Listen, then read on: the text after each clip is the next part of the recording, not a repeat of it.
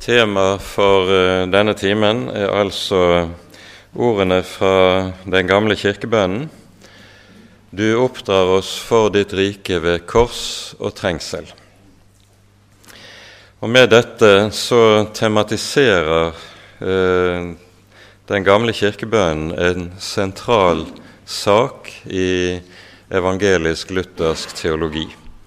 Det som vi kaller korsets teologi et uttrykk som eh, Luther formulerer i forbindelse med disputasen i Heidelberg i våren 1518.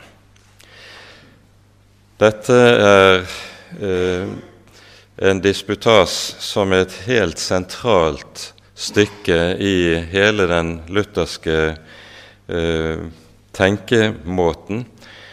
Og eh, vi skal se litt nærmere på den etter hvert. I um, den salmen som uh, vi gjerne nærmest kaller den uh, lutherske nasjonalhymnen, 'Vår Gud, han er så fast en borg', så er jo dette en uh, salme Luther har diktet over Davids salme 46 Eh, Gud er oss en hjelp i trengsel funnet såre stor, står det i eh, første verset i Salme 46. Og Noe av det som er et hovedpoeng i eh, dette verset, det kommer ikke så godt frem i oversettelsene, eller i de fleste bibeloversettelser. Det er nemlig satt inn et komma som utydeliggjør sammenhengen, der poenget er følgende Det er i trengsel Herren finnes såre stor. Det sier noe om trengselens rolle og betydning i det kristne liv. Og Nettopp dette er noe av tematikken i eh, Heidelberg-disputasen, som Luther altså eh, står for i 1518. En disputas det var noe som i samtiden var en eh, invitasjon til akademisk samtale.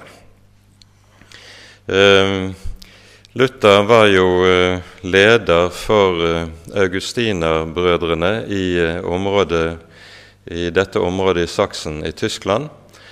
Og i hvert tredje år brukte augustinerbrødrene å samles i Heidelberg.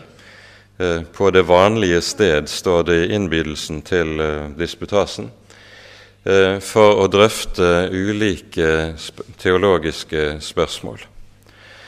Og dette året, våren 1518, så er lederen for augustinermunkene Han har bedt Luther om å lede den sentrale disputas, som altså skal være en samtale om sentrale teologiske temata.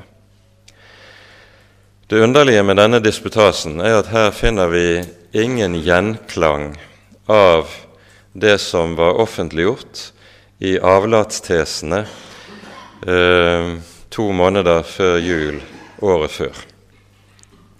I stedet er disputasen eh, inneholder eh, 40 teser som vitner om et avklaret og dypt teologisk eh, en dyp teologisk avklaring for Luther sitt vedkommende.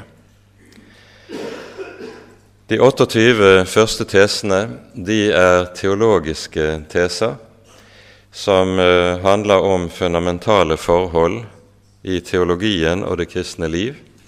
De siste tesene er filosofiske teser, der Luther bl.a. gjør opp med Aristoteles. Vi skal ikke beskjeftige oss med disse.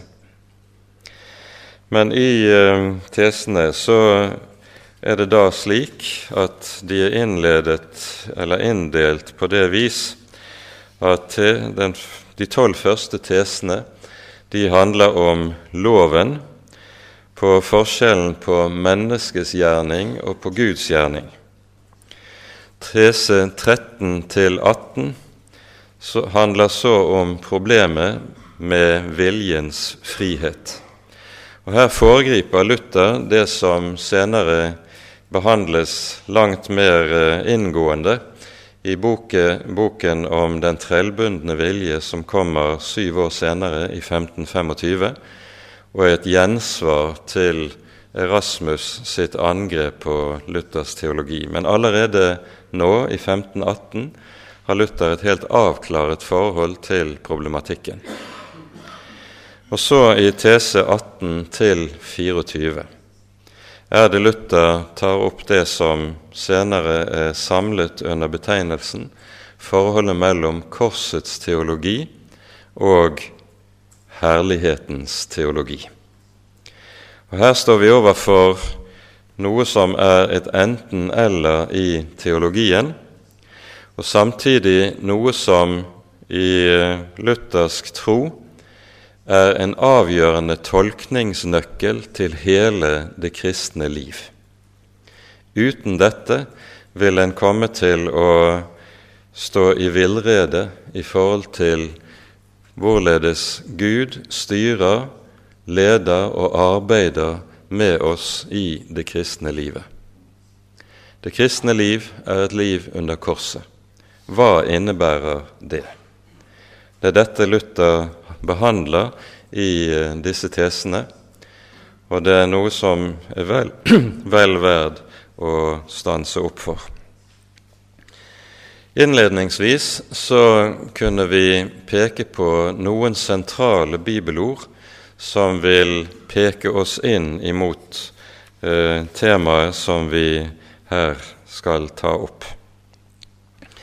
Først apostelgjerningene kapittel 14 der vi hører om Paulus på slutten av sin første misjonsreise.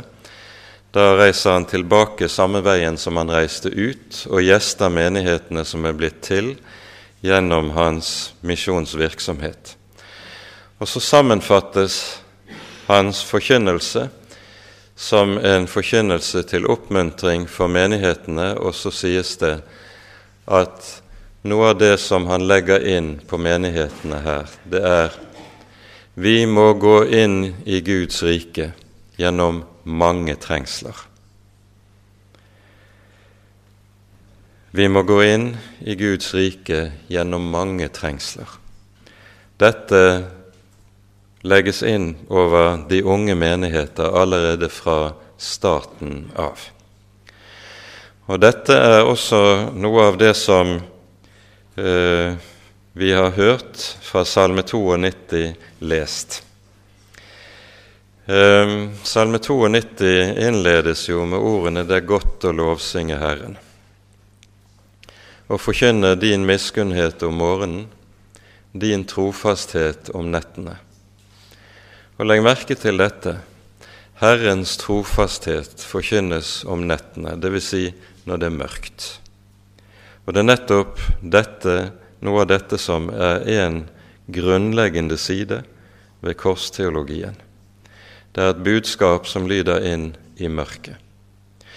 Og så fortsetter salmen med å tale om Guds gjerninger som en dåre ikke forstår noe av. For hva handler det om? Det sies når de ugudelige spirer som gresset, så er det til deres ulykke. Den naturlige menneskelige tankegang er at når menneskene opplever medgang, gode dager, får seile livet, livets seilas i maksvær, så det er et uttrykk for et tegn på Guds velsignelse. Nei, sier salmen. Når de ugudelige spirer som gresset, så er nettopp deres medgang det som fører til deres undergang. Dåren forstår ikke dette, sier salmisten, men dette hører med til den visdom som vi lærer i Guds ord under korsets teologi, nemlig at motgang, kors og trengsel, det kan være uttrykk for Guds velsignelse, mens medgang i alle forhold, det kan være uttrykk for det motsatte. Noe av dette er det altså korsteologien berører. Og vi skal begynne med der Luther begynner når han taler om korsets teologi, nemlig ved å peke på fortellingen i um, Andre Moseboks 33. kapittel, der vi hører om Moses som ber for Israels folk etter synden med gullkalven. Det er tre slike bønnekamper som Moses har for Israel etter fallet med gullkalven. Og I den siste bønnekampen så hører vi hvordan Moses trenger inn på Gud, inntil han til slutt ber La meg da få se din herlighet. Og får til svar Du kan ikke se mitt ansikt, for intet menneske kan se mitt åsyn og leve. Og så får Moses beskjed fra Herren Se her er en kløft i klippen, still deg der. Så vil jeg gå deg forbi og holde min hånd over deg til dekke. Og når jeg er gått forbi, så vil jeg ta min hånd bort, så du kan se meg bakfra. Altså, Moses får se Gud bakfra, men Herrens herlighet, Guds åsyn, får han ikke se direkte, for det kan intet menneske se. Og Dette er jo en underlig tale. Og Når Luther skal utlegge dette, så gjør han det ved hjelp av Paulus' eh, tale i 1. Korinterbrevs kapittel 1, der vi tar oss tid til å lese eh, noen vers. For dette er et avsnitt som er uhyre sentralt i eh, Luthers tenkning. Her skriver apostelen følgende, vi leser fra vers 18. Ordet om korset er vel en dårskap for dem som går fortapt, men for oss som blir frelst, er det en Guds kraft. For det står skrevet:" Jeg vil ødelegge de vises visdom, og de forstandiges forstand vil jeg gjøre til intet. Hvor er en vismann? Hvor er en skriftlærd? Hvor er en forsker i denne verden? Har ikke Gud gjort verdens visdom til dårskap? For da verden ved sin visdom ikke kjente Gud i Guds visdom, fant Gud det for godt å frelse dem som tror ved forkynnelsens dårskap. For jøder krever tegn, grekere søker visdom, men vi forkynner Kristus korsfestet, for jøder et anstøt, for hedninger en dårskap, men for dem som er kalt, både jøder og grekere, forkynner vi Kristus, Guds kraft og Guds visdom. For Guds dårskap er visere enn menneskene, og Guds svakhet er sterkere enn menneskene. Her er poenget at korset, Kristus på korset, er den sentrale Guds åpenbaring. Men så kan en stille spørsmålet hva er det et menneske ser når han står under korset. Han ser en fattig tømmermann tortureres i hjel. Hjelpeløs henger han der, i pine og i smerte, og kan intet gjøre for å hjelpe seg selv. Han er sågar under Guds forbannelse, sies det i Galaterbrevet. Så det ytre øyet det ser kun svakhet. Det ser kun nederlag. Det ser kun hjelpeløshet. Men i dette som for det ytre øyet ses så avmektig ut, er det Gud overvinner synd, død og djevel. Gud åpenbarer med andre ord sin frelsende allmakt under svakhet og nederlag. Gud åpenbarer det som er livets mysterium og hemmelighet, i døden på et kors. Slik åpenbarer Gud seg bakfra. Han åpenbarer liv gjennom død, allmakt gjennom avmakt, seier gjennom nederlag, herlighet gjennom kors. Det er å se Gud bakfra. Slik tenker Luther om dette, og disse ordene i første kor 1 det blir så å si nøkkelteksten som utlegger ordene i 2. Mosebok 33. Men Luther fortsetter med å si at på samme måten er det Gud virker og arbeider også i det kristne menneskes og i den kristne menighets liv. For dette som gjaldt den Herre Jesus Kristus på korset, det kommer også til å gjelde Guds måte å virke og arbeide på med sine her i tiden, her i verden. Det å være en kristen, det er å være under korset. Og så bruker Gud korset med det det innebærer smerte, motgang og lidelse som redskap i sitt arbeid med sine troende, med sin kirke. Du oppdrar oss med nød, med kors og trengsel for ditt rike, ba vi i den gamle kirkebønnen, og ber det fortsatt. Og så er dette altså Guds verktøy når han arbeider i det troende menneskets liv. Det handler om dette at når Den hellige Gud arbeider, så er det alltid slik at han gjør to gjerninger, slik vi leser om det i Hannas lovsang i Første Samuels boks annet kapittel. Dette er også en tekst som Luther knytter sammen med det vi her er inne på. Herren døder og gjør levende. Han fører ned i dødsriket og opp derifra. Herren gjør fattig og gjør rik. Herren nedbøyer, og han opphøyer. Han gjør alltid to gjerninger. Men disse to gjerninger er ikke slik at de er atskilt. De henger uløselig sammen på det vis nemlig at han gjør levende ved å døde. Han gjør rik ved å gjøre fattig. Han opphøyer ved å nedbøye. Slik er disse knyttet sammen.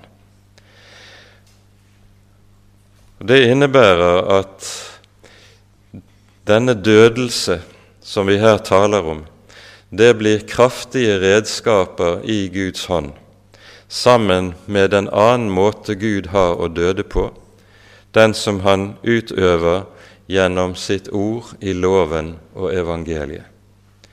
For lov og evangelium er også noe ved hvilket Herren døder og gjør levende. Dette er tematisert i 2. Korinterbrevs tredje kapittel, der apostelen peker på at loven har en dødende gjerning. Evangeliet er det som levende gjør. Og slik gjør Gud disse to gjerninger i en kristens liv. Den dødende gjerning er og blir helt avgjørende fordi gamle Adam skal dødes. Det er avgjørende med tanke på ikke minst det vi kaller for helliggjørelsen. Helliggjørelsen består ikke i at jeg under Guds lov prøver på å arbeide med selvforbedring. Helliggjørelsen handler i stedet om at Herren døder gamle Adam og skaper det nye livet gjennom evangeliet om sin kjære sønn. Og slik til dette arbeid bruker han altså to midler loven i dens dødende gjerning, og trengsel, nød og kors, som han sender over oss i livet, i vårt kall. Dette er Guds redskaper, hvilket altså innebærer at det å oppleve motgang, det å oppleve nød, det å oppleve kors og trengsel, det er aldri for Guds barn et tegn på at Gud har glemt meg. Gud har forlatt meg. I stedet er det et tegn på at jeg er i Guds skole. Ja, kanskje vi skal få lov til å si, som en av mine gamle lærere sa det, som var prøvet i mange ting.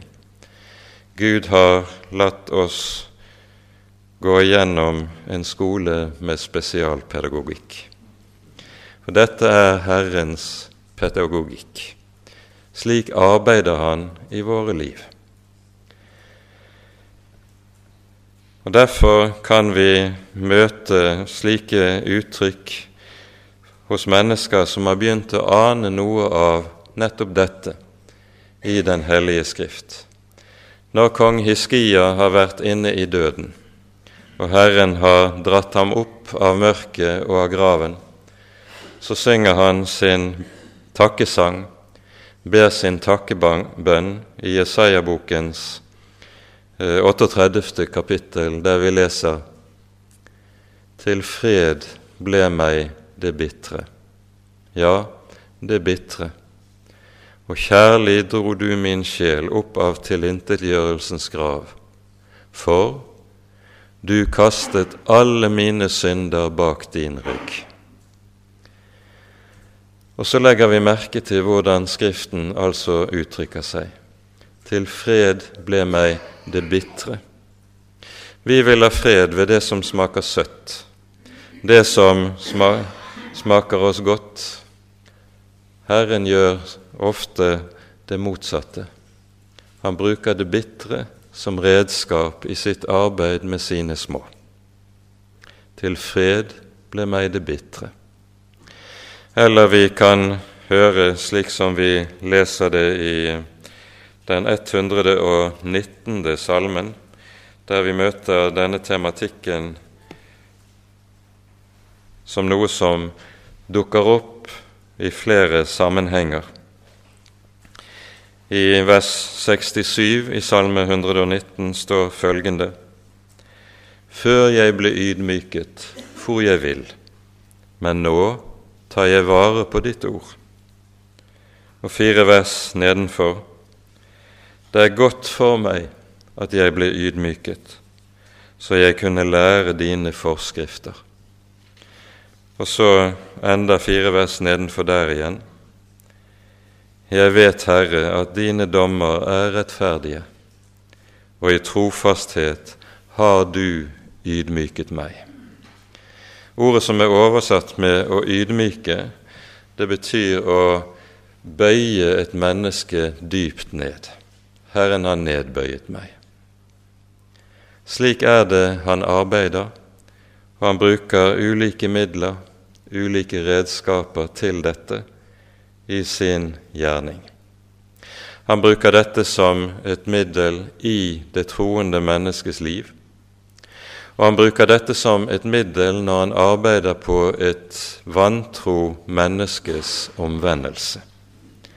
Dette hører vi om ikke minst i Jobbs bok, i Elihus tale som kommer fra vers kapittel 33 av og utover, så hører vi hvorledes Elihu peker på at Gud bruker trengsel, nød, møye og sorg som redskap til å omvende mennesker.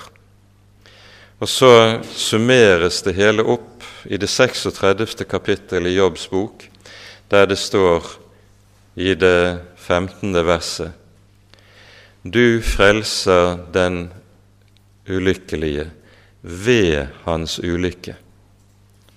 Legg merke til det sies ikke 'du frelser den ulykkelige fra hans ulykke'. Men det sies altså du frelser den ulykkelige ved hans ulykke. Og slik blir trengsel og nød Guds redskap også når han arbeider på vår omvendelse. Dette er noe som hører med til Guds allmenne gjerning like fra syndefallets dag av. Og Dette er avgjørende for oss å være klar over. Vi hører om hvorledes etter fallet så sies det i, ord, i domsordene til Adam følgende.: Fordi du gjorde dette, skal jorden være forbannet for din skyld. Tårn og tistel skal den bære deg, og med møye skal du nære deg av den alle ditt livs dager. Skaperverket og menneskelivet er lagt under forbannelsen fra den dagen av.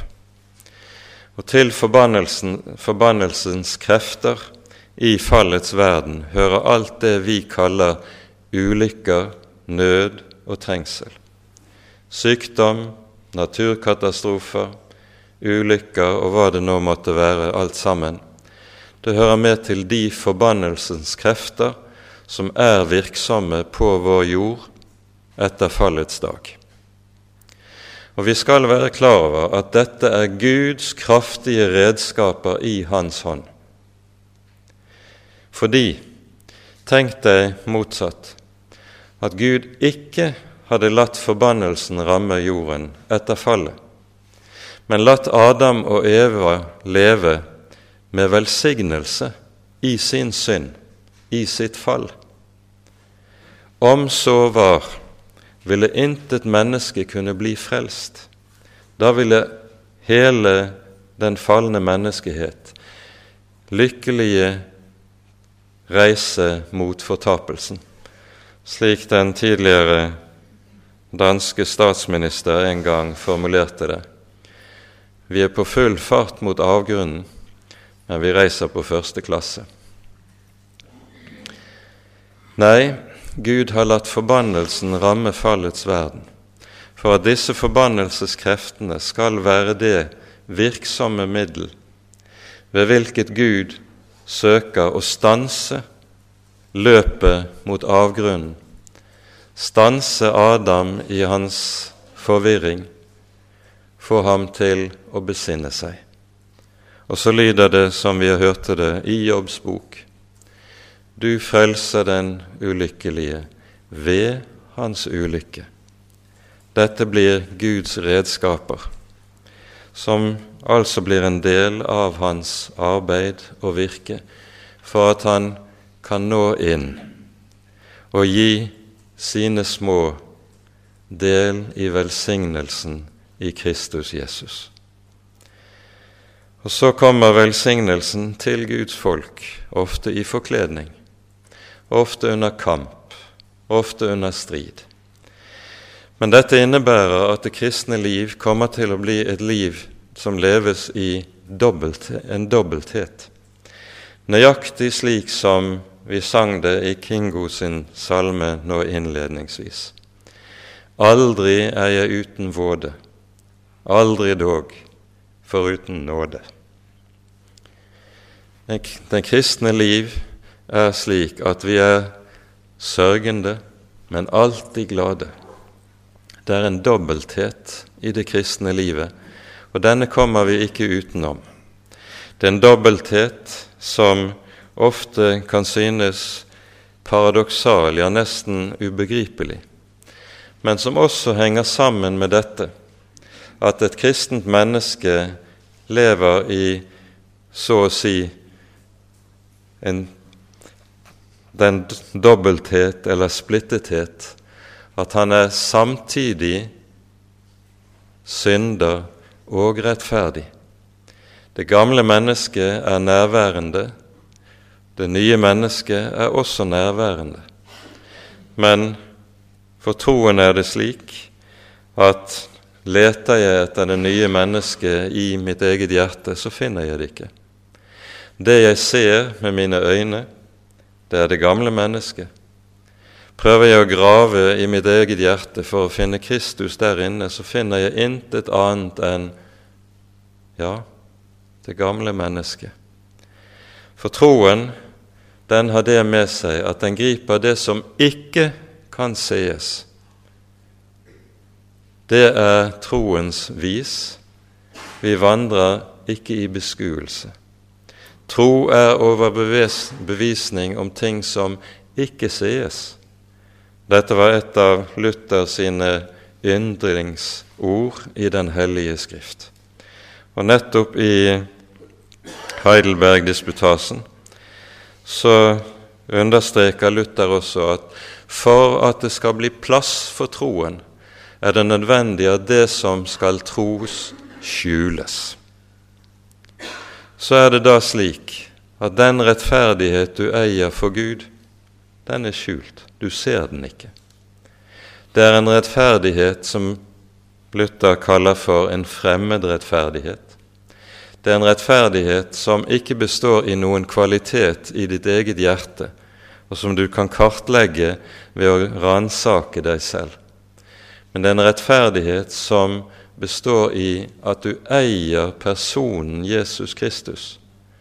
Han er din rettferdighet. Han er ditt liv. Og så må du tro det løftet Gud har gitt deg.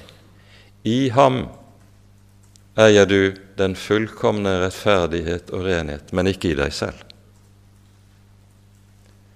Og Derfor skal troen lære oss stadig å rette blikket bort fra oss selv, bort fra våre egne hjerter. Her er det en vesensforskjell på kristen tro og all annen religion og religiøsitet. Det som kjennetegner den naturlige menneskets religiøsitet, er nettopp den at den skuer innover, inn i sitt eget hjerte. Meget typisk for, og karakteristisk for dette ser du i indisk religion, der man taler om det tredje øyet. Det tredje øyet det sitter i pannen, men typisk nok det er et øye som ikke, som våre to andre øyne, skuer ut i verden, men det tredje øyet skuer innover.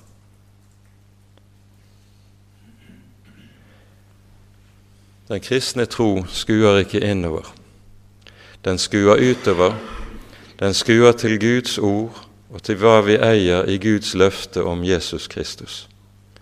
Og så klynger den seg til dette løftet og er avhengig av å få høre dette løftet på ny og på ny. For det er liksom med dette løftet at når du har hørt det, så kaller det frem livet, frimodigheten, håpet og troen i ditt hjerte. Men så glipper det, og så må du høre det på ny. Derfor er det nettopp at den kristne tro er en tro som er det vi kaller for en nådemiddelkristendom. Vi trenger å være slike som stadig på ny kommer sammen der hvor vi får dette løftet. Får dette løftet rakt oss. Rakt oss i evangeliet, i ordet og i sakramentene. For jeg lever av det som skjenkes meg utenfra, ikke av min eventuelle indre åndelighet, som jeg prøver stadig på ny å etablere for å ha noe å tenke på. Derfor sørger den levende Gud for å døde min fromhet. Han sørger for å døde min kristendom, så jeg ikke får til å leve som kristen. Han sørger for at jeg stadig på ny får denne opplevelsen av at jeg får det liksom aldri til. Og så blir jeg avhengig av han som kommer til meg utenfra, med sin rettferdighet, med sin nåde, for intet. Dette er Guds gjerning. Dette er Guds arbeid. Jeg tenker at vi avslutningsvis skal lese en tekst fra Det gamle testamentet som taler om noe av dette Guds virke. Det er fortellingen i Første Moseboks 32. kapittel, der vi hører om Jakobs kamp med Gud. Det er en tekst som mang en bibelleser har undret seg over. Hva er det mon denne teksten innebærer? Hva er det mon denne teksten vil fortelle oss? Den synes likesom ganske ubegripelig. Vi leser eh, i Første Mosebok 32 og eh, fra vers 24. Jakob var så alene tilbake. Da kom der en mann og kjempet med ham helt til morgenen grydde. Da mannen så at han ikke kunne overvinne ham, rørte han ved hans hofteskål, og Jakobs hofteskål gikk av ledd mens han kjempet med ham. Og han sa, Slipp meg, for morgenen gryr. Men Jakob sa, Jeg slipper deg ikke uten at du velsigner meg. Da sa han til ham, Hva er ditt navn? Han svarte, Jakob. Han sa, Du skal ikke lenger hete Jakob, men Israel, for du har kjempet med Gud og med mennesker og vunnet. Da sa Jakob, Jeg ber deg, Si meg ditt navn. Men han svarte, Hvorfor spør du om mitt navn? Og han velsignet ham der. Jakob kalte stedet Pniel, for, sa han, jeg har sett Gud ansikt til ansikt og enda berget livet. Og solen rant, nettopp som han var kommet forbi Pniel, men han haltet på sin hofte. Det som er viktig å være klar over, det er at denne beretningen den sammenfatter hele Jakobs liv i en sum. Jakob har på dette tidspunkt vært 20 år hos Laban, en tid som har vært meget tung for ham, full av trengsel.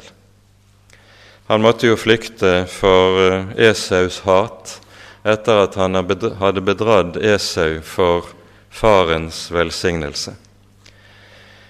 Men på Guds ord og løftet vender Jakob så tilbake til det land Herren har lovet å gi Abraham, Isak og så Jakob selv. Men det som er problemet med den gode Jakob, det er at selv om han eier Guds løfte, så har Herren aldri riktig kunnet få slippe til hos ham.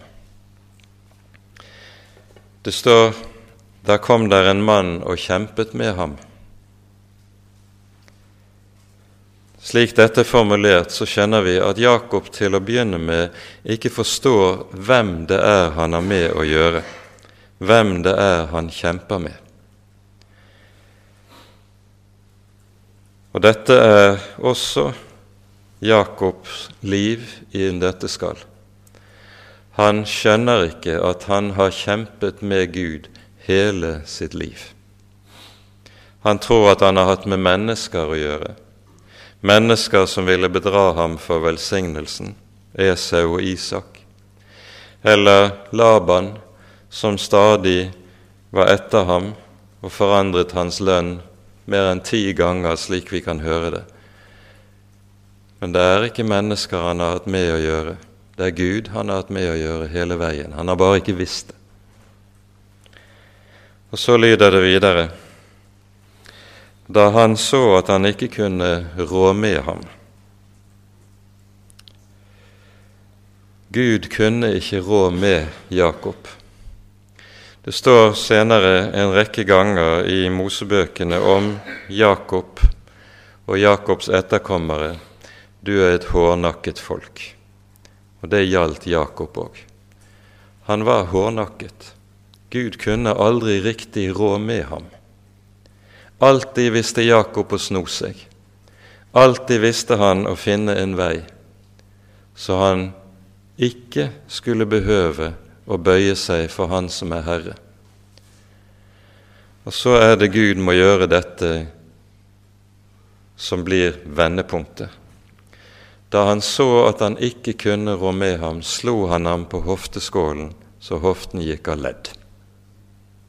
Når du er i kamp og hoften går av ledd, da er du tapt. Da er du hjelpeløs. Det er så smertefullt at du overhodet ikke verken kan fote deg eller gjøre noe annet. Du ligger der. Og så, mens Jakob ligger der hjelpeløs, utslått, står det at morgenen gryr, og Herren later som at nå vil han forlate ham. Men nå, nå skjønner Jakob hvem det er han har med å gjøre. Og nå holder han fast. Jeg slipper deg ikke uten at du velsigner meg. Det er den bønnen Gud har ventet på fra Jakob hele Jakobs liv, men som aldri har lydd. For hele livet igjennom så har Jakob sørget for at hvis Gud ikke velsigner meg, så skal jeg sørge for velsignelsen på egen hånd. Han har alltid fikset ting, alltid funnet utveier. Midlene, det var underordnet. Han brukte gjerne svik og bedrag, om så var, bare han kunne få egen vinning og egen fordel.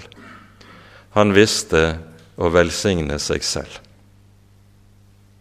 Men nå begynner han å ane.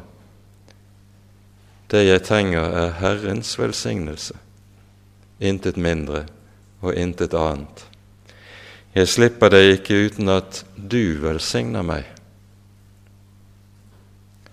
Men Gud kan ikke velsigne Jakob før det er gjort opp. Og Derfor lyder det fra Herren som svar på dette. Hva er ditt navn? Det samme spørsmålet lød til Jakob 20 år tidligere, når han sto inne hos sin blinde far. Hva er ditt navn? Og så var bedraget der. Jeg er Esau, din førstefødte. Navnet Jakob betyr bokstavelig 'han som holder i hælen', han som vet å sno seg, bedrageren, lurendreieren. Det er det navnet bærer i seg. Og nå må Jakob svare sant. Jeg er Jakob. Jeg er bedrageren. Jeg er lurendreieren. Han må så å si møte sannheten om seg selv og sitt eget liv. Og nå lyder det ingen løgn på Jakobs lepper lenger. Jeg er Jakob. Og så kommer Herren med sitt løfte. Du skal ikke lenger hete Jakob, men Israel. Gud gir ham det nye navnet. Og det nye navnet, det er alltid det som er innbegrepet for at en er kommet inn i en ny status i forhold til Gud. Nå er Jakob blitt det nye mennesket. Og så sies det og han velsignet ham der.